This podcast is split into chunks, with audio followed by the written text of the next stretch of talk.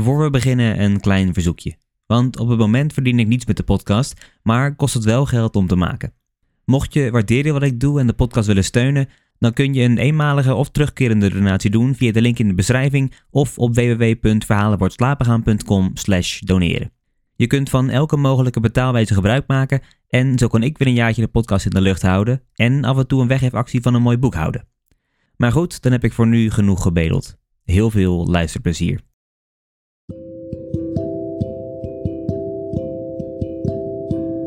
Hallo allemaal en welkom. Mijn naam is Mike en in deze aflevering lees ik voor uit Verhalen voor het slapen gaan. Dit is Verhalen voor het slapen gaan.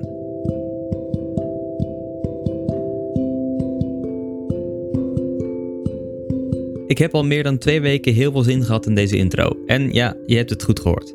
Vandaag lees ik een verhaal voor uit een bundel die precies dezelfde titel draagt als de naam van deze podcast. Hij verscheen in de zomer van 2020. En in de bundel staan de 20 mooiste verhalen over slapen en dromen van 19 verschillende auteurs. De verhalen zijn allemaal gerangschikt op leestijd. Dus voor je gaat slapen kun je op basis daarvan je keuze maken. Het boek is de wereld ingekomen om mensen beter te laten slapen. Want volgens de achterflap van het boek toont recent hersenonderzoek aan dat het lezen van een boek voor het slapen gaan zorgt voor ontspanning en een gezonde nachtrust. Slaap houdt je hersenen gezond, het zorgt voor een betere concentratie en een beter geheugen. Ook kan het op lange termijn het risico op hersenaandoeningen zoals depressie, beroerte en dementie verkleinen. Ik vond het idee van deze bundel best wel heel erg bij het idee van deze podcast horen. Dus natuurlijk moest ik er een verhaal uit voorlezen. En niet alleen dat, samen met uitgeverij Querido geef ik ook een exemplaar aan een van jullie weg. Blijf hangen tot het eind van de aflevering om erachter te komen hoe je een exemplaar kunt winnen. Maar eerst het verhaal. Ik heb gekozen voor het verhaal van Arnon Grunberg. Het is een klein beetje bizar en daar hou ik van. Dit is De man met de laarzen.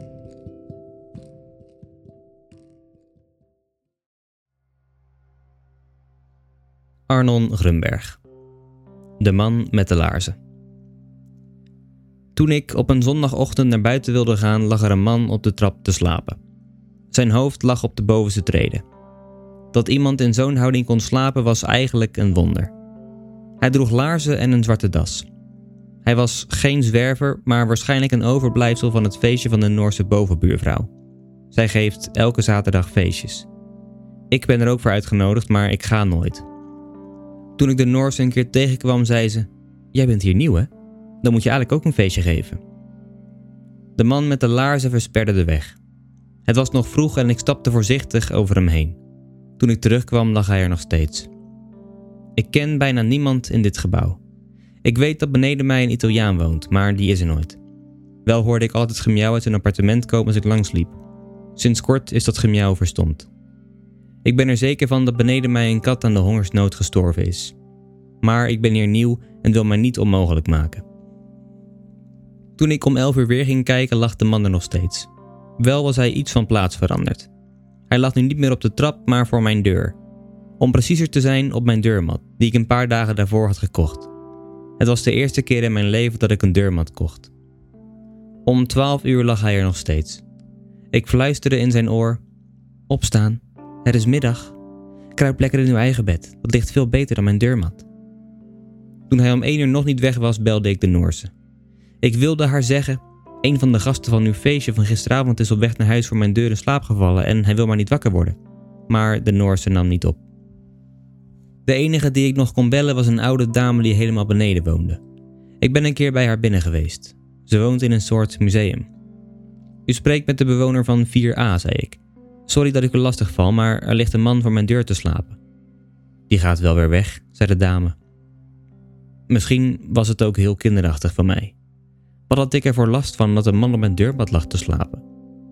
Ik probeerde te lezen, maar het was verslavend. Om de tien minuten liep ik naar de deur om te kijken of hij er nog lag. Om ongeveer half drie merkte ik dat het nat was voor mijn deur. Ik ging naar buiten en zag dat de man in zijn slaap in zijn broek had geplast. Ik kon het ook ruiken. Ik belde de Noorse op, kreeg weer het antwoordapparaat, maar dit keer sprak ik in. Goedemiddag, dit is de bewoner van 4a. Een van de gasten van uw feestje heeft op mijn deurmat geplast en hij ligt er ook op te slapen. Ik begrijp dat dit niet uw probleem is, maar misschien kunt u mij bellen zodra u wakker bent. Toen haalde ik een flesje aftershave uit mijn badkamer en sprenkelde dat over de slapende man. Ik zou om vier uur gasten krijgen en ik schaamde me voor de urinelucht. Ook van de aftershave werd hij niet wakker. Het leek wel een soort coma. Om vier uur stond ik buiten op mijn gasten te wachten. Het ging om een meneer en een mevrouw op leeftijd. Ik kende ze niet erg goed. Komen jullie binnen, zei ik. Ik moet jullie alleen even vertellen dat er een man voor mijn deur ligt te slapen. Maar daar hoeven we ons niets van aan te trekken. Als we de deur dicht doen, merken we niets van hem. Ik zag hoe de man zijn wenkbrauwen optrok. Laten we maar naar een café gaan, zei hij. Dat deden we. Ik kon me niet op het gesprek concentreren. Toen ik een uur later terugkwam, lag de man er nog steeds. Ondanks mijn aftershave rook hij sterk naar urine. Om half zes was de Noorse nog altijd niet wakker en ik besloot de politie te bellen. Er ligt een man voor mijn deur te slapen, zei ik. En ik heb het gevoel dat er misschien even een dokter naar hem moet kijken. Bent u familie van de man? Nee, zei ik. Kent u hem persoonlijk? Nou ja, hij ligt nu al tien uur voor mijn deur, maar persoonlijker niet. Geeft u hem wat water te drinken en als hij er morgen nog ligt, belt u ons dan weer. Ik vulde een glas met water en sprenkelde wat over het gezicht van de man. Ik durfde geen emmer water over zijn gezicht uit te gieten. Omdat ik het thuis niet uithield, ging ik naar de bioscoop. Toen ik terugkwam, was de man verdwenen. Het glas water dat ik naast hem had neergezet was ook verdwenen. Wel rook het nog altijd naar urine. De volgende dag belde ik aan bij de Noorse. Een van uw gasten, een man met een zwarte das en laarzen, heeft gisteren op mijn deurmat geplast en er ook op geslapen. Ze keek me aan. Oh, zei ze, dat is merkwaardig. Op mijn feestje waren geen mannen. Ik had alleen wat vriendinnen uitgenodigd. En die man heeft op je deurmat geplast, zei je? Ja, zei ik. Je kunt het nog ruiken. Ze liep naar beneden. Ik tilde de deurmat op en hield hem voor haar neus. Ik ruik niets, zei ze. Ik heb hem natuurlijk uitgepoend, zei ik. Maar het klonk een beetje zwakjes. Het was kerstmis en het rook naar gas in mijn appartement. Niet alleen in mijn appartement, het hele gebouw rook ernaar. Ik had een afspraak in een hotelbar en ik dacht: als ik terugkom zal het wel over zijn. Misschien zijn ze ergens met een vreemd spul aan het verven. Ik kwam om half drie in de ochtend thuis. Ik had vier flessen champagne gedronken. Of vijf. Het kunnen er ook zeven zijn geweest. Ik weet het niet meer. Ik was de tel kwijtgeraakt. Ik weet alleen nog wel dat ik geprobeerd had allerlei dames in de bar ook op champagne te trakteren. En dat ik daar soms in was geslaagd. Voor de deur stonden twee meisjes. Woon je hier? vroegen ze. Ik knikte. Wij ook, zei de ene. Ga niet naar binnen. Het is onveilig. Het stikt naar gas en de muren in ons appartement zijn gloeiend heet. We hebben de brandweer al gebeld. En niemand is thuis, zei de ander. Misschien heeft iemand zelfmoord gepleegd. Dat schijnt met kerstmis wel vaker voor te komen, zei ik. De brandweer had het erg druk die nacht. We hebben drie kwartier op ze moeten wachten. Maar toen kwamen ze ook met vier wagens. Twintig brandweermannen gingen het gebouw binnen en vijf minuten later stonden ze alle twintig weer buiten. We hebben de hoofdkraan uitgedraaid, zei een brandweerman met een snor.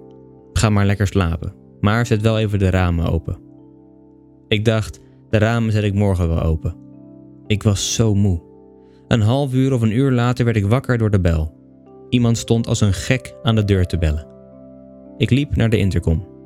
Dit is de brandweer, hoorde ik. Er is brand. Kom zo snel mogelijk naar beneden. Luister, zei ik. De brandweer is hier net geweest. Toen draaide ik me om en ik zag dat voor mijn raam een brandweerman op een ladder stond. Hij scheen met een zaklantaarn naar binnen.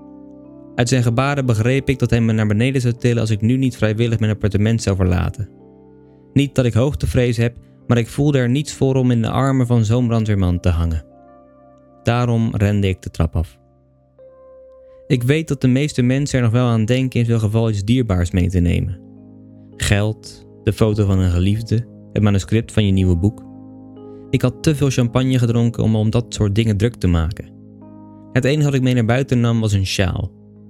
Op die sjaal en mijn onderbroek na was ik naakt. Het vroor die nacht 5 graden. In films staan er altijd aardige brandweermannen met dekens klaar. In werkelijkheid hebben ze het veel te druk met de brand. Ik zei tegen een brandweerman: Misschien hebt u wat om aan te trekken?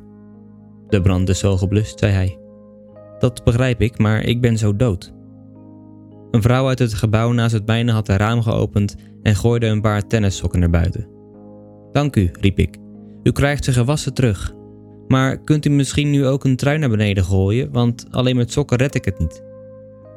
Met dit paar sokken was een eind aan haar vrijgevigheid gekomen, want toen ze hoorde dat ik om een trui begon te vragen, deed ze het raam met een klap dicht. Ik liep naar de portier. Luister, zei ik, ik woon in dat gebouw. Het staat in brand, zoals u ziet. Kan ik even binnenkomen om warm te worden? Hij keek naar mijn sokken, naar mijn onderbroek en toen naar mijn sjaal. Je bent dronken, siste hij. Donder op. Dat is een ongelukkige samenloop van omstandigheden, zei ik. Mijn naaktheid heeft niets met mijn dronkenschap te maken, maar alles met die brand. Gelooft u me. Ik drink wel vaker, maar ik kleed me nooit uit. En dat ik zo raar praat, komt omdat mijn mond aan het bevriezen is. Op dat moment kwam een man met een videocamera uit het gebouw. Hij begon de brand te filmen. Niet alleen de brand, ook mij. Sorry dat ik u stoor, zei ik. Maar hij hield niet op met filmen. Kan ik wat kleren van u krijgen? Ik geef ze gewassen terug en als u toch nog vies van mij bent, krijgt u er geld voor. De man met de videocamera zei niets. Waarschijnlijk verstond hij geen Engels. Ik liep naar Park Avenue. Misschien dat de politie mij zou oppakken wegens openbare dronkenschap. Ik keek naar de wolkenloze hemel. Normaal kan een wolkenloze hemel mij geen zak schelen, maar nu zei ik: Luister, God, ik begrijp het. U houdt niet van Joden die kerstmis vieren. Maar alles wat ik nu van u vraag is een broek en een trui. Nog altijd had de politie mij niet opgepakt. Luister, God, zei ik. Heeft mijn moeder de kampen overleefd zodat haar zoon in New York aan een longontsteking bezwijkt? Als dat de bedoeling is, zeg het dan. Dan trek ik mijn sokken en mijn sjaal uit, maar laat me niet langer in onzekerheid. Ik zag hoe mensen uit hun huizen naar mij keken hoe ik op Park Avenue tegen God stond te praten. Ben ik de enige Jood die kerstmis viert? Zijn het de hoeren? Bent u dat nog altijd niet vergeten? Goed, misschien heb ik vandaag tien flesjes champagne gedronken. Had ik dat geld aan JNF moeten geven? Toen stak ik mijn beide vuisten in de lucht, zoals ik dat Arafat op televisie had zien doen, en ik zei: Maar ik zweer het u. Als ik hier levend uitkom, drink ik elke dag een fles champagne. Toen de brand geblust was, ging ik het gebouw maar weer binnen. Ik klopte op de deur van het appartement waar de twee meisjes wonen. Een politieagent deed open. Is het veilig? vroeg ik. De agent keek naar mij, naar mijn onderbroek, mijn sokken en mijn sjaal. Meer had ik nog altijd niet aan. Is het veilig? vroeg ik snel nog een keer om duidelijk te maken dat ik in het gebouw woonde en ondanks mijn kleding geen klap met de wapenstok verdiende. Deze jonge man, zei de agent en wees op mij, gaat nu heel snel naar zijn eigen bed in zijn eigen appartement. De lift deed het niet meer. Ze zien me aan voor verkrachter, dacht ik, terwijl ik de trappen beklom. Ik heb een brand overleefd en ze houden me voor een verkrachter. Ik lachte. Het schalde door het hele trappenhuis. Voor mijn deur zag ik dat mijn ene sok onder het bloed zat. Ik was ergens ingetrapt, maar het gekke was dat ik het niet voelde. Ik voelde alleen maar kou. In mijn appartement kwam ik tot de ontdekking dat de verwarming het niet meer deed. En in plaats van water kwam er bruine blubber uit de kraan. Toen viel ik in slaap. De volgende ochtend werd ik gewekt door geschreeuw op de gang. Magic, ga de trap af, hoorde ik roepen. Magic was de hond van de bovenbuurman. Een kalf. Zijn hoofd reikte tot mijn tepels. Er is weer brand, dacht ik. Ik rende de gang op. Ik zag dat mijn bovenbuurman met alle geweld probeerde zijn hond de trap af te duwen. Toen hij mij zag, hield hij daarmee op. Ik had niet eens in de gaten dat ik mij opnieuw in uitsluitend onderbroek, sokken en sjaal aan de buitenwereld vertoonde. De lift doet het niet meer, zei de bovenbuurman. En arme Magic durft geen trappen te lopen. Hij moet toch ergens zijn behoefte doen. Ik liep een paar treden omhoog. Voor de deur van mijn bovenbuurman lag een hondendrol op een krant. Om 12 uur kregen we bericht dat het nog een paar dagen zou duren voor er warm water en verwarming zouden zijn. Ik begon hotels te bellen. Uiteindelijk vond ik een kamer in Hotel S hier schuin tegenover. Ik propte kleren en scheergerei in een plastic tas. Op de gang hing een zware geur van hondenpoep. Alleen de bovenbuurman was nog in het gebouw. Ik laat mijn magic niet alleen, riep hij mij na. De receptionist was een Rus. Toen hij mijn adres hoorde, keek hij mij schalks aan en vroeg: Rendezvous? Nee, zei ik, geen rendezvous. Vuur. Hij lachte. Mijn hotelkamer had een prachtig uitzicht op mijn eigen appartement. Het is echt een mooi appartement, dacht ik. Toen ging ik naar de hotelbar waar ik een fles champagne bestelde. Er waren niet veel mensen. Dat verbaasde me niet, want van alle hotelbars die ik kende was dit de meest troosteloze. Ik trakteerde iedereen op champagne, inclusief de barman. Op vakantie? vroeg hij. Nee, zei ik, mijn huis uitgejaagd. Door je vrouw? fluisterde hij. Nee, zei ik, door vuur. Gedurende mijn tweede fles champagne kreeg ik gezelschap van Lisa. Ze zat in de mode-industrie en wilde zelf kleren ontwerpen. Waarom drink je zoveel champagne? vroeg ze. Wat moest ik haar zeggen? Dat ik mezelf beloofd had elke dag een fles te drinken als ik de brand zou overleven? Maar dit was al de tweede. Ik kan de rotzooi die ze wijn noemen niet meer verdragen. En het mooie van champagne is dat je er zoveel van kan drinken als je wil en ochtends vroeg toch zo fris als een hoentje opstaat. Dat is handig in mijn beroep.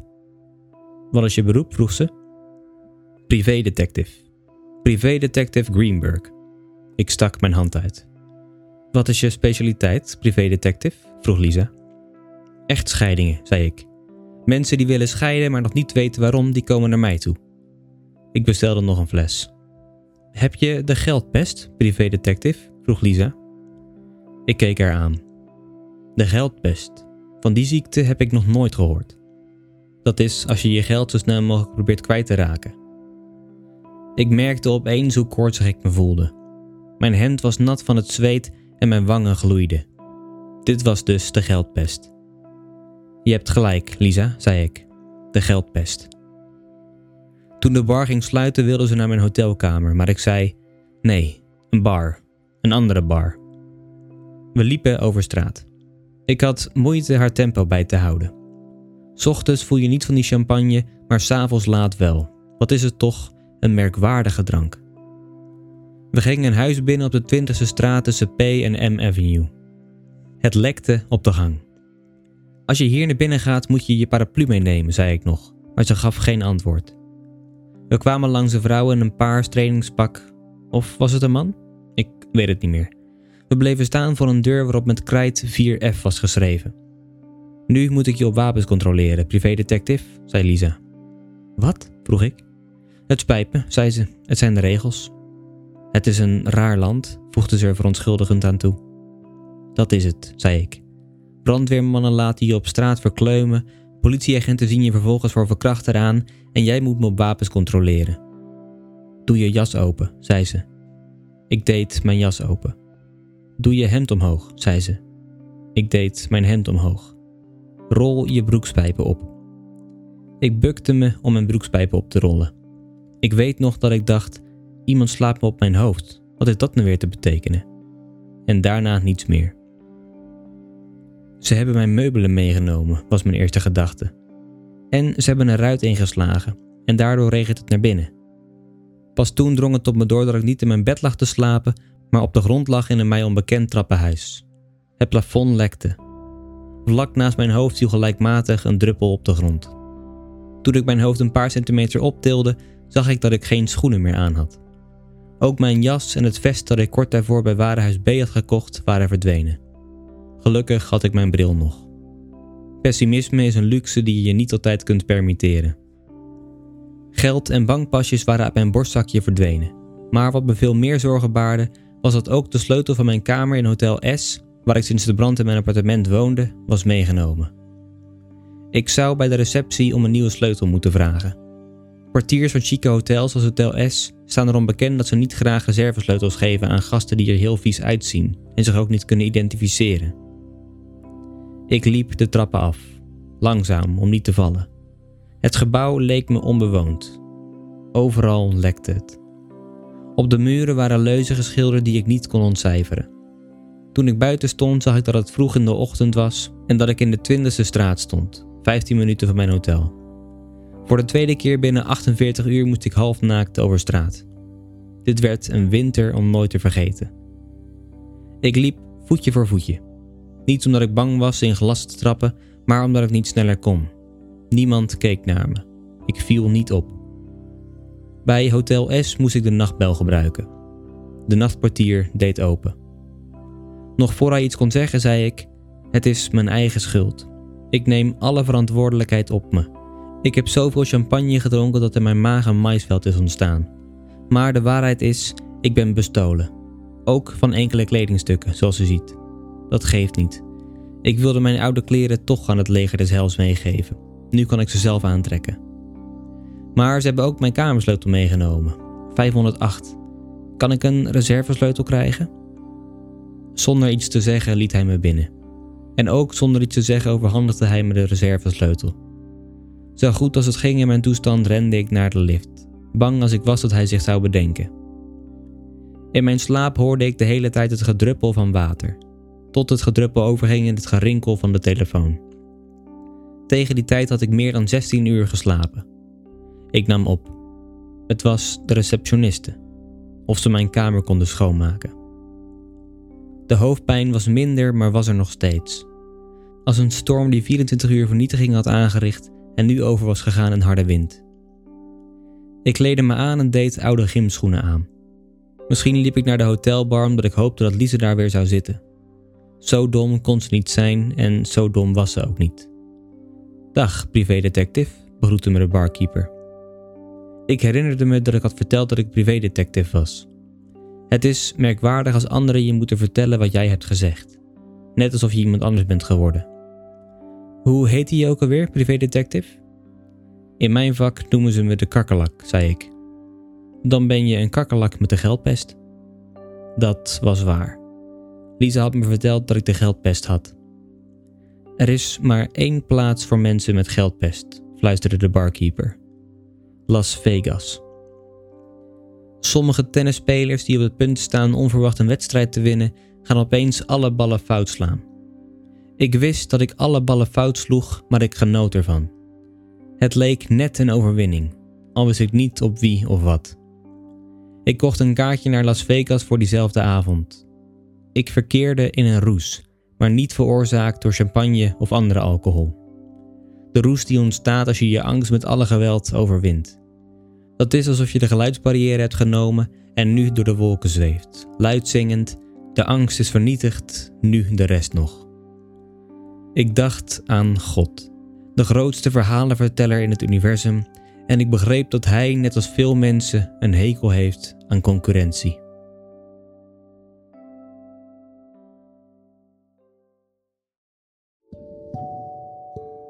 Dat was De Man met de Laarzen van Arnon Grunberg. Een verhaal waarvan ik alleen maar kan hopen dat het een droom is. Er ligt een man op zijn deurmat, zijn appartement gaat de fik in en hij komt zo goed als naakt op de straat te staan. Dan loopt hij ook nog eens tegen God te praten en wordt hij beroofd. Als dit verhaal misschien niet helemaal jouw smaak is, dan is dat niet erg. Er staan nog 19 andere verhalen in de bundel. Allemaal met andere onderwerpen en andere stijlen. In ieder geval zijn het allemaal verhalen die iets met slapen of dromen te maken hebben. En dus een goede keuze zijn voor het slapen gaan. Mocht je deze bundel nou ook willen hebben, dan geef ik samen met uitgeverij Querido een exemplaar weg. Het enige wat je hoeft te doen om te winnen is eventjes naar de Instagram van de podcast gaan, het verhalen voor het slapen gaan en de post met de weggeefactie te liken en te reageren met waarom de bundel het beste ligt op jouw nachtkastje. Voor ik afsluit nog één dingetje. Het luisteren van de podcast is gratis, maar het maken is dat niet. Natuurlijk vind ik het hartstikke leuk om te doen. Maar mocht je bij willen dragen aan de verbetering van zowel de inhoud als de kwaliteit van de podcast, dan kan dat via PayPal of Kofi. De link daarvoor staat in de beschrijving. En een deel van de donaties komt ook op jullie terug, in de vorm van bijvoorbeeld giveaways, zoals deze, en andere leuke prijzen. Ik wil jullie hartstikke bedanken voor het luisteren naar deze podcast. Voor achter de schermen, updates, vragen of opmerkingen kun je me vinden op Instagram of Facebook onder de naam Verhalen wordt slapen gaan en dan zie slash hoor ik jullie volgende week. Voor nu, goede nacht, slaap zacht.